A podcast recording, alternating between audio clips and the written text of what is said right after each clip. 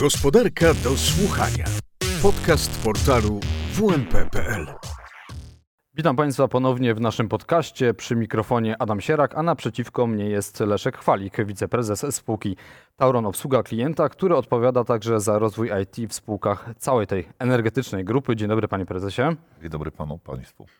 Rozmawiać będziemy o coraz poważniejszej biznesowej nodze e, w grupie Tauron, czyli o internecie i o inwestycjach w światłowody. Kolejny temat to 2030 rok i obowiązkowe inteligentne liczniki energii elektrycznej pod każdym adresem w Polsce, ale zanim te tematy, to pochylimy się nad tym, jak dużym wyzwaniem dla spółek energetycznych pod względem przygotowania narzędzi informatycznych jest sytuacja, gdy dochodzi do odgórnego zamrożenia cen prądu. No więc panie prezesie, właśnie zacznijmy od tego tematu. To temat e, gorący w Polsce, zwłaszcza przy tych politycznych e, przetasowaniach. O to oczywiście pana pytać nie będę. Skupiamy się na tej czysto operacyjnej, informatycznej e, części tego zagadnienia. Sytuację macie o tyle komfortową, że oczywiście nie wiemy na jakich zasadach jeszcze to zamrożenie cen będzie się odbywało, ale jeśli taka sytuacja, taka wola polityczna e, będzie, to to nie będzie pierwsza sytuacja. Ta e, sytuacja sprzed e, w sumie kilkunastu miesięcy mogła Was zaskoczyć, e, teraz e, tak już być nie powinno. No więc pod względem mm, operacyjnym, systemów informatycznych, e, patrząc też troszeczkę w przeszłość. Mm, jak duże to było wyzwanie i z czym Wy musicie się mierzyć, by klient miał to dobrze policzone?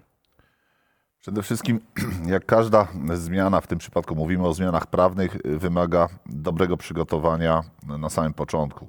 Czyli tak naprawdę zebrania wymagań, interpretacji przepisów prawnych, po to, żeby odpowiednio to zakodować i, i wprowadzić do systemu.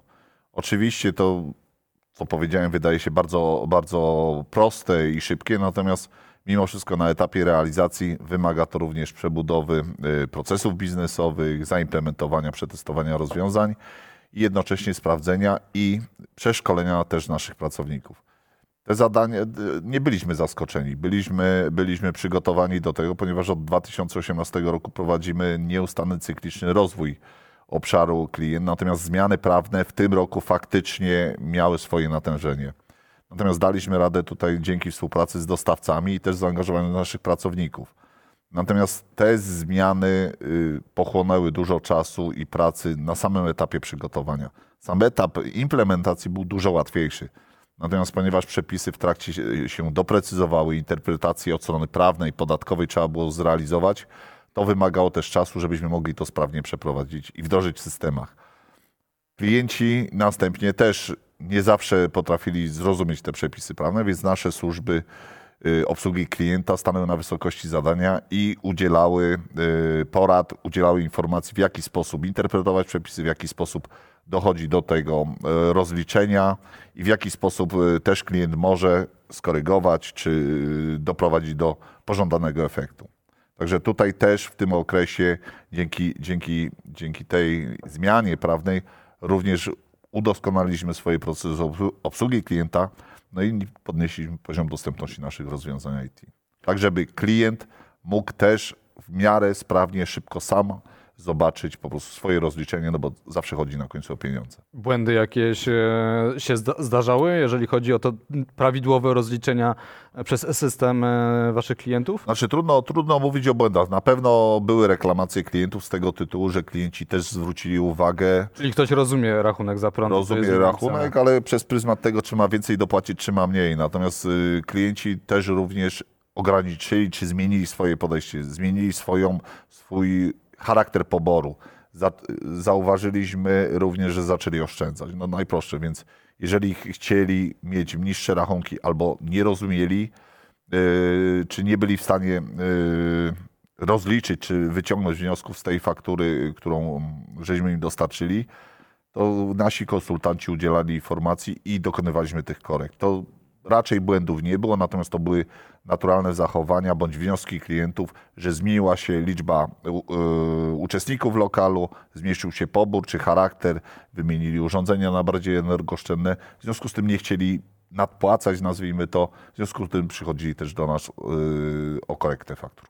Oto co nas będzie czekało w przyszłym roku. Na, na, decyzję, e, na tę decyzję jeszcze e, czekamy, ale z punktu widzenia spółek energetycznych, a ściślej mówiąc e, waszej grupy, mm, to jest kwestia co przedstawienia wajchy, czyli jest mrożenie, nie ma mrożenia, czy jednak musicie jeszcze mm, coś dopracować w tym systemie. Też pytam o ten czas, bo de facto został, zostało tak naprawdę bardzo niewiele czasu z punktu widzenia przepro, przeprogramowania ewentualnie systemu. Panie redaktorze, no zbyt, zbyt łatwe by było, żebyśmy byli na wszystko przygotowani. Natomiast y, monitorujemy od samego początku, od momentu inicjatywy wszystkie wersje i y, rozważamy, patrzymy, analizujemy, jaki to ma wpływ i jak najlepiej optymalnie dla klienta i przede wszystkim też dla nas od strony kosztowej zrealizować tą zmianę. Natomiast zawsze, zawsze musimy czekać na ostateczną y, formułę i interpretację potem tych przepisów. To nie jest tak, że z dnia na dzień coś się wdroży. To też zależy od, od tego, czy będziemy korygowali stare okresy, czy tylko będziemy patrzyli do przodu na, na przyszły okres. To wszystko zależy od, od tego, jaka ostateczna formuła tej ustawy, zmiany prawnej, czy ochrony naszych konsumentów będzie. Na ile ułatwieniem czy utrudnieniem było to, że jesteście w trakcie bardzo poważnej e, operacji, czyli migracji e, systemów ro, rozliczeniowych, e, e czyli to też jest ogromna zmiana IT w spółce. Czy to pomaga, gdy pojawiają się tego typu zmienne?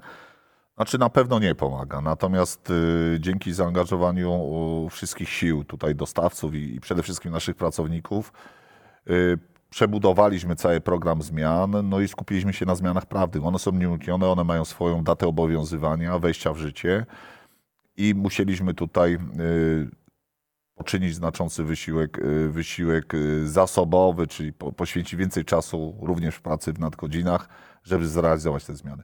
Na pewno musieliśmy ograniczyć nasze potrzeby czy, czy naszą wizję i przesunąć troszeczkę w czasie.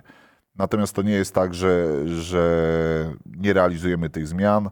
Staramy się zrównoleglić, my to czasami nazywamy dual track, nazywamy równoległe zmiany, pogodzić zmiany prawne z potrzebami biznesu, tak żeby dostarczyć jak najlepszy produkt dla klienta. A czemu z punktu widzenia zarówno spółki, jak i klientów e, ta migracja mm, z jednego systemu do drugiego e, jest tak istotna?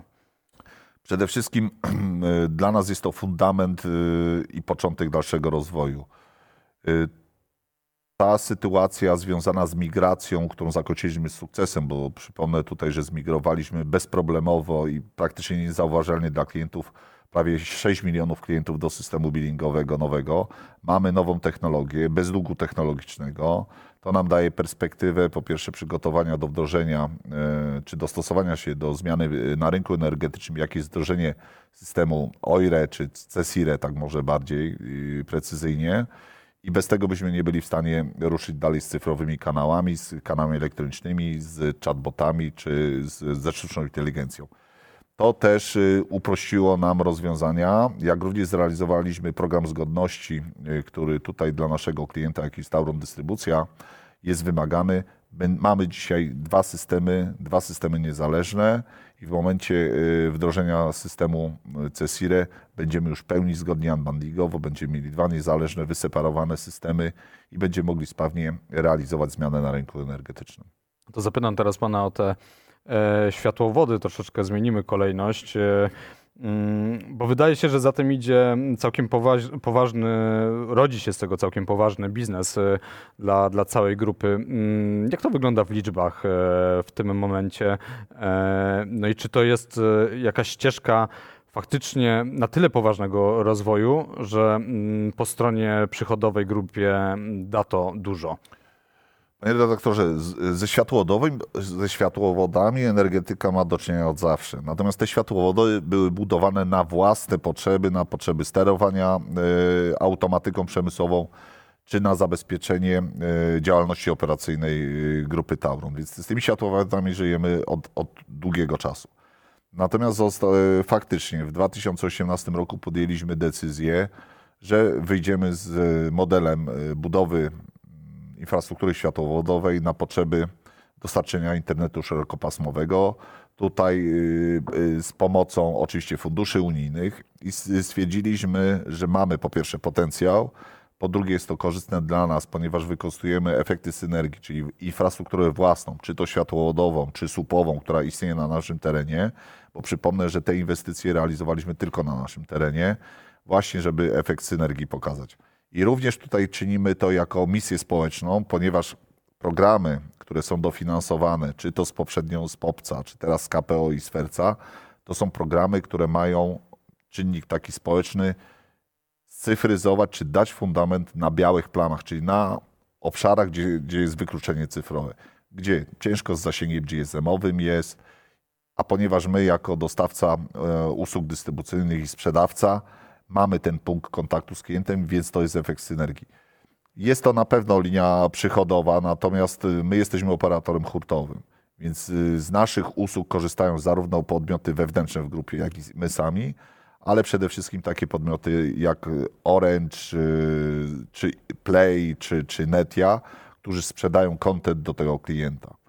To oni są nazywani u nas na rynku operatory korzystających. Także naszymi klientami są przede wszystkim właśnie du, duży dostawcy kontentu, usług wideo, usług y, telewizji y, satelitarnej czy, czy kablowej, czy też również usług powiązanych z internetem. Patrząc na mm, wasz obszar e, działania, czyli de facto południe Polski, jakie jest pokrycie teraz tymi światłowodami, gdzie chcecie się rozwijać e, w najbliższym czasie? Rozwijamy się na obszarze działania grupy Tauron, tam gdzie nasza sieć jest w zasięgu, w zasięgu tych klientów, bo też chodzi o koszt przyłączenia. Więc to są obszary przede wszystkim y, Wałbrzyski, Jeleniogórski, Katowicki, Tyski, Oświęcimski. To są obszary, na których oczywiście CPPC, y, Centrum y, Polski, Projektów, przepraszam, Cyfrowych, ogłosiło konkursy. I to był normalny konkurs, który wygraliśmy. I tam na, tym, na tych obszarach realizujemy tę inwestycję, wykorzystując to, co dzisiaj Grupa Tauron używa.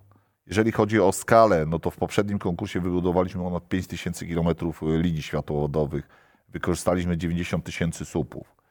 W naszym zasięgu dzisiaj obecnie tej sieci jest ponad 200 tysięcy gospodarstw domowych. Gdyby przyjąć statystycznie, to różnie niektórzy mówią, że gospodarstwo domowe to są trzy osoby, to, to cztery, to mówimy, że między 500 a 800 tysięcy uczestników y, czy naszych klientów może korzystać z internetu szerokopasmowego. Oczywiście, jeżeli będą chcieli tylko przypiąć, przypiąć się do naszej sieci. Widzimy ten trend rynkowy, również trend europejski śledzimy, że z roku na rok y, y, dość mocno wzrasta wykorzystanie sieci światłowodowej. Jednak sieci technologiczne, GSM-owe, zostawiam już kwestie miedziane, mają swoje ograniczenia, mają swoje słabości. Sieć światłowodowa daje przede wszystkim bezpieczeństwo, stabilność, no i przede wszystkim rodzina może cztery osoby przykładowo naraz oglądać różne filmy. Na GSM zaczyna to być y, jednak trudne i ma to ograniczenia. A na ile mm, rozwój tego segmentu w grupie jest uzależniony od dostępu do środków unijnych? Bo ten pierwszy taki boom inwestycyjny w światłowodach, e, on był stymulowany oczywiście środkami unijnymi. E, jak to teraz wygląda? Czy to jest potrzebne? No, generalnie chciałem zapytać o strategię. Na pewno środki unijne pomagają podejmować decyzje, realizować. Y, y, są obszary, na których patrząc y, stricte biznesowo nigdy się to nie opłaciło. Gdyby patrzeć na, na ponoszone koszty czy utrzymanie i przychód od tego klienta. Natomiast patrząc na ostatnie wyniki, taką analizę z ogłoszonego kursu KPO, to fundusze unijne dofinansowały budowę sieci na tych obszarach cyfrowych w kwocie około 4 miliardów złotych. To jest niebagatelna kwota i to jest kolejne rozdanie. Przed nami jest kolejny konkurs, który jest w trakcie e, analizy i ogłoszeń. Też będą kolejne. Szacuję, że między 700 a, a milionów a miliardem złotych będzie, będzie dofinansowane. Więc to są ogromne środki które dają przestrzeń i budują też fundament dla cyfrowych usług. W tym też patrzymy na to korzystnie dla nas, że możemy oferować naszym klientom, przyłączonym do naszej sieci, czy to yy, elektroenergetycznej, czy światłowodowej, nowe usługi no, i, i kreować nowe produkty. A czemu zamyk znaczy zamykacie się? Czy, czy to, że jesteście dostawcą hurtowym wynika też nie wiem, z tego, że jakby się nie opłaca budować całej sieci obsługi klienta jakby na ten e, segment, czy po prostu tak jest łatwiej sprzedać e, jednemu za określoną kwotę i nie trzeba się tym martwić? Nie, to, to, to, to nie jest kwestia, czy to jest łatwiej, czy, czy trudniej. Mieliśmy kompetencje e, w zakresie budowy, utrzymania i zarządzania siecią światłowodową, więc wykorzystaliśmy to w pierwszym kroku. Dzisiaj rozważamy, dyskutujemy, czy jest szansa i przestrzeń, potencjał i korzyści dla grupy, żeby zbudować operatora detalicznego. Natomiast na rynku mamy to, tak jak na rynku energetycznym, wyseparowane.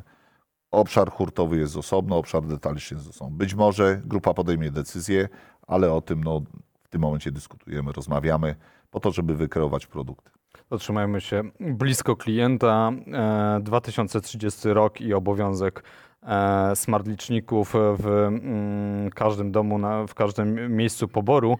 E, na jakim jesteście etapie, jeżeli chodzi o no właśnie, dalej rewolucję, czy już nie, nie, nie, nie, nie traktujecie tego w ten sposób, po prostu naturalna kolej rzecz? Nie traktujemy tego jako rewolucję. Jest to kolejna, kolejny etap, kolejny etap cyfryzacji i usprawnienia naszej działalności, szczególnie w obszarze dystrybucji, ale pamiętajmy, że smart liczniki to jest tylko podstawowy fundament albo aż, bez którego nie możemy e, ruszyć z dalszymi pracami. Dzisiaj zaczynaliśmy, jak, jak dobrze pewnie Państwo pamiętacie, od y, Wrocławia, gdzie zrobiliśmy największe wdrożenie, y, ponad 450 tysięcy liczników smart. Tam zbudowaliśmy poligon i zbudowaliśmy doświadczenie. Dzisiaj mamy już ponad milion liczników i te liczniki zgodnie z planem mamy zabudować u wszystkich naszych klientów na dzisiaj prawie 6 milionów do końca roku 2030. Natomiast sama budowa, zabudowa liczników to jest jeden z elementów całej transformacji cyfrowej. Bo właśnie tutaj y, w sukurs temu te liczniki muszą być skomunikowane. Więc mamy GSM-a, mamy PLC, będziemy mieli światłowody, będziemy mieli różne technologie. Ponieważ licznik jest takim zarówno punktem na świat dla nas, który pozwala nam y, do, y, pozyskiwać dane i usprawniać obsługę klienta, ale również dla klienta, który może optymalnie zarządzać swoim gospodarstwem swoim zużyciem. To jest fundament, który daje przestrzeń do budowy dynamicznych taryf, do rozliczania. Natomiast dzięki temu również y, mamy niesamowitą ilość danych, które potrafimy wykorzystać, skorelować, czy to z prognozą pogody, czy ze stabilnością sieci, ponieważ mamy, mamy dane, które poprzez analitykę, poprzez programowanie możemy patrzeć zachowania i przewidywać, jak ta sieć się zachowuje y, w zależności od nie wiem, warunków, atmosferycznych, czy od tego, w jaki sposób nasi klienci zachowują, czyli w jaki sposób zużywają energię elektryczną. No to zapytam Pana o wykorzystanie tych smart liczników, czy pomoc e, tych smart liczników, jeżeli chodzi o ten kontakt z prosumentami, bo są rejony również i Waszej sieci, które są pod tym kątem bardzo trudne e, w obsłudze, no więc jak, jak to? E, gra z e, obsługą i, relacją z prosumentem, ten smart licznik? Znaczy na, na, na, na pewno ja jestem prosumentem, więc przede wszystkim mając smart y, licznik i dostęp poprzez naszą aplikację mobilną licznik do, do tych danych, obserwuję po prostu w cyklu praktycznie godzinnym, co się dzieje na instalacji fotowoltaicznej, co się dzieje na falowniku, co się dzieje w kontekście poboru, jak również jakie mam zużycie, jaką mam produkcję. Więc dla mnie to jest taka wartość, optymalizacja działalności też moich urządzeń. W zasadzie, w zasadzie myślę, że, że tyle. Natomiast to jest podstawa do tego, żeby budować kolejne rozwiązania, kolejne produkty dla naszych klientów. Bo nie wykluczamy, że idąc dalej, a widzimy, że technologia postępuje, klient może mieć zapotrzebowanie na to, żeby pewien sposób zarządzać jego poborem zużycia, sterować urządzeniami. Mając medium transmisji, mając y, ten układ pomiarowy, również licznik, mamy dane, które pozwalają nam wykreować produkty i spełnić też oczekiwania biznesu, y, y, czy, czy też klientów, no bo to też naszymi klientami są firmy. A jeżeli chodzi o właśnie o tego dużego klienta, tego biznesowego, e, w jakim, bo zaczął Pan mówić o tym, że jakby po stronie klienta zaczyna być takie zapotrzebowanie, że to e, ta zawodowa energetyka w jakim stopniu będzie wpływała na jego zużycie e, energii. Mm, oczywiście, by odciążyć sieć, ale też i jemu pomóc w stabilnej choćby produkcji. No więc jaka przyszłość w tym temacie mm, według Pana jest? Tutaj, tutaj na pewno rozwiązania cyfrowe będą nam y, pomagały. Oczywiście wszystko musi mieć swoją etykę i bezpieczeństwo. Klient musi być bezpieczny pod kątem danych, które nam udostępnia albo poprzez układ pomiarowy, albo sam na podstawie kontraktu. Natomiast y, jestem przekonany, że zmiana pokoleniowa, która nam towarzyszy, też y, wymusza i generuje nowe potrzeby. Patrząc na pokolenie Gen Z, można powiedzieć, wszystko by chcieli mieć w telefonie. Mieć najprościej, nie mieć kłopotu, ale oczywiście pod warunkiem, że dostaną odpowiedniej wartości i jakości produkty i za nie są gotowi zapłacić. Więc też do tego zmierzamy. Dzisiaj bez transmisji, bez y, zdalnych y, pomiarów, czyli tych właśnie inteligentnych liczników, bez analityki, bez danych, nie ruszymy właśnie z tym portfolio nowych produktów, nowych wyzwań, których oczekują klienci. Takie granie niemalże jak na giełdzie, czyli właśnie posiadam ten, tę aplikację i widzę jaka e, jest cena energii i w tym momencie sobie tym zużyciem jakoś e, gospodaruję. Czy to z punktu widzenia dużej energetyki sytuacja komfortowa? Ja myślę, że, że, że trudno tutaj hmm, oceniać, czy to jest komfortowe, czy nie. To jest po prostu normalny trend rynkowy. Idą zmiany y, czy klimatyczne, idą zmiany pokoleniowe, y, idą zmiany systemowe właśnie na rynku energetycznym i to zarządzanie musi być dynamiczne, więc te rozwiązania muszą być dostosowane na miarę potrzeb i oczekiwań klientów, czy też transformacji rynkowej. Na pewno y, prąd musi płynąć, bo to jest podstawowe medium, no i bez tego, bez tego nie jesteśmy w stanie żyć. Tak? Czy to będzie z fotowoltaiki, czy to będzie z energetyki wiatrowej, czy z wodoru, czy, czy tradycyjną, no ten prąd będzie nam zawsze towarzyszył. Jesteśmy na tej fali wznoszącej, jeżeli chodzi o inwestycje w e, tę zieloną energetykę, zarówno dużą, jak i e, bardziej rozproszoną. E, zaczęto mówić coraz głośniej o potrzebach e, inwestycji w sieć przesyłową. Dotychczas to był, czy przez wiele lat to był temat gdzieś tam pomijany. E, no ale te cyber rozwiązania, za które Pana odpowiada w grupie, one muszą iść równolegle z, z rozwojem każdego segmentu e, energetyki. Mm, jaki jest teraz temat, który według Pana mm, jeszcze nie jest na tyle nośny, że się tam przebija do tej takiej e, powszechnej świadomości, a który jest niezbędny, e, by w niego inwestować, by na niego mm, wydawać pieniądze? Znaczy tutaj, tutaj każdy każda inicjatywa musi mieć swoją korzyść, więc każdy y, z nas inwestując oczekuje zwrotu z tej z inwestycji. Mm, dzisiaj, dzisiaj skupiamy się przede wszystkim na dostosowaniu do zmian na rynku energetycznym, bo przypomnę tutaj, już wcześniej powiedziałem, przed nami w roku 2025 jest duża transformacja rynku, uruchomienie produkcyjne systemu CESIRE.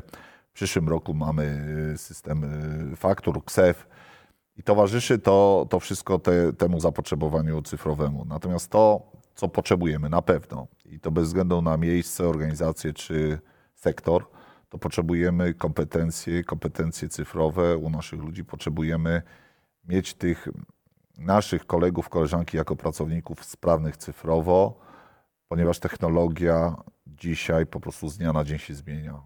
Każdy z nas to, czego się nauczył, musi cały czas pielęgnować i podnosić swoje kwalifikacje. I to, to jest nasze wyzwanie, to jest nasza troska, żebyśmy byli w stanie zrealizować wymagania naszych klientów i dostosować się do rynku, tak żebyśmy działali na tym rynku sprawnie, efektywnie, biznesowo, to przede wszystkim fundament kompetencje cyfrowe. W tym momencie będziemy stawiać e, kropkę. Leszek Chwalik, wiceprezes spółki Tauron, obsługi, obsługa klienta, który odpowiada za rozwój IT w spółkach całej e, grupy Tauron, był gościem w naszym